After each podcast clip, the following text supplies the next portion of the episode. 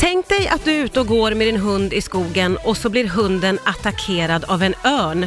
Det här har hänt Tommy Lövgren ifrån Axjön utanför Molkom, inte en utan två gånger faktiskt. Hallå där Tommy! Hallå, hallå.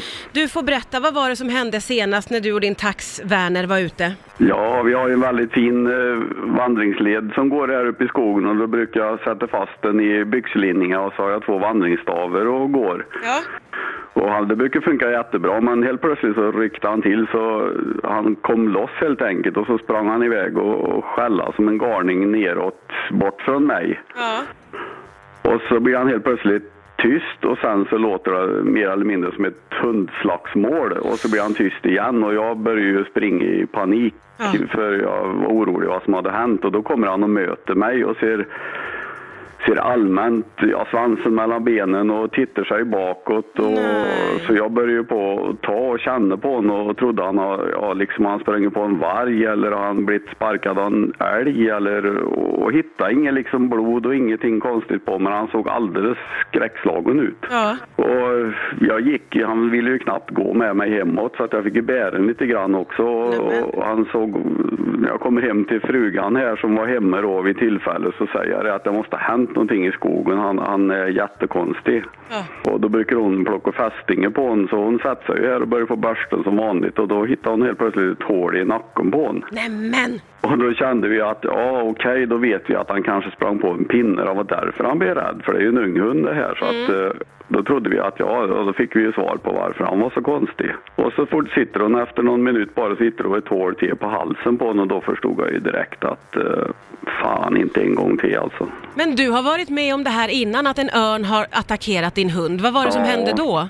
Ja, det var under jakten strax före jul eh, 2012. Ja.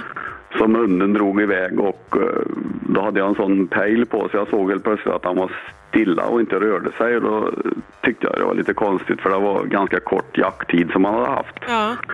Och då springer vi ju uppåt där jag och kompisen som var med då och vi kommer upp på en klipphylla så ligger hunden där helt enkelt eh, död som jag tyckte. Nej, men, men han klarar sig väl? Ja, jag skrek till kompisen, han är ju död för fasen skrek Nej. jag. Och sög tag i hunden och började på att springa mot bilen. Men då kände jag att jag kom med tummen mot den. En tax är ju inte så stor som Nej. mot hjärtat här. Och då kände jag att hjärtat slog. Då sa jag, han lever ju, skrek jag ju då också i sån där panik. För det är ju min kompis liksom. Som, Ja. då springer vi ner till bilen och slänger oss i och åker till Ulsby smådjursklinik som det heter här. Och de hade rum tydligen en julfest på övervåningen men jag, jag tror nästan jag sparkade in dörren där faktiskt. Ja, det var ju panik! Ja, men det var panik, något fruktansvärt var det. Ja, det är klart det. jag trodde han hade ja, helt enkelt spräckt sig, eller på något sätt, han var ju 11 år gammal vid ett tillfälle, så jag Ja. trodde att han hade helt enkelt ja, fått några problem med hjärtat eller någonting då. Så, Men det var en örn då också.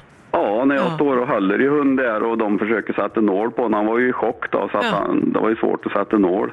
Då, då helt plötsligt får jag blod på, på ena fingret så här och så började vi på att titta och känna, ja då hade han ju tre djupa hål på, runt nackhalsen där. Usch, vad hemskt. Men Tommy, hur vågar du gå ut med hundarna igen då efter något sånt det kan här? jag ju fundera på faktiskt. Ja. Det, och det är ju egentligen, ska du veta, att det är ju varg som jag är rädd för egentligen. För vi, vi är ju delvis i, i vargrevir här. Ja, men du kanske ska vara min- lite mer rädd för örn du.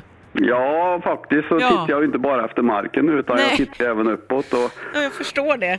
ja, det är märkligt att det ska behöva hända två gånger, Ja. men tur i oturen är väl att hundar har ju över- överlevt naturligtvis. Ja, det är verkligen tur. Och nu ska det väl ändå inte hända igen. Jag håller tummarna för dig. Tusen tack för att du var med och berättade. Ja, tack själv du. Hälsa till Werner. Det ska jag göra. Ja, ha det bra. Hej då! Samma, hej.